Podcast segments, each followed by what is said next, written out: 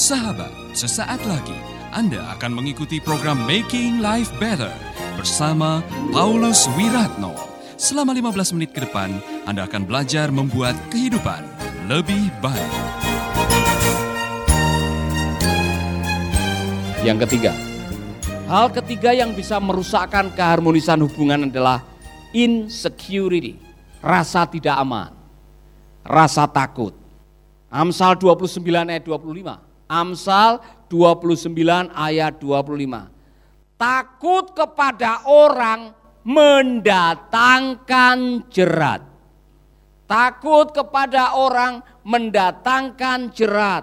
Tetapi siapa percaya kepada Tuhan dilindungi. Ketakutan menghancurkan hubungan. Kalau tidak percaya, baca kejadian 3 ayat 10. Ketika Adam dan Hawa lari dari hadirat Tuhan karena dosa, kemudian Tuhan mencari dia. Adam, di manakah engkau?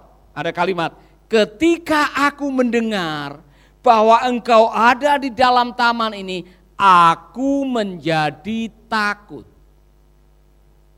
Karena aku telanjang, sebab itu aku bersembunyi. Cek baik-baik, apakah ada sesuatu yang Anda sembunyikan dalam hidup saudara? Apakah ada sesuatu yang Anda tutupi dalam hidup saudara? Ketika ada sesuatu yang masih Anda tutupi, Anda sembunyikan, Anda masih punya rasa insecurity. Rasa tidak aman, ya kan? Orang-orang yang punya rasa tidak aman kalau tidak menjauh seperti ini dia akan bersembunyi dengan segala macam cara, dia akan menutupi kekurangannya. Nah kalau itu dalam konteks pernikahan, saudara tidak transparan, tidak ada kejujuran,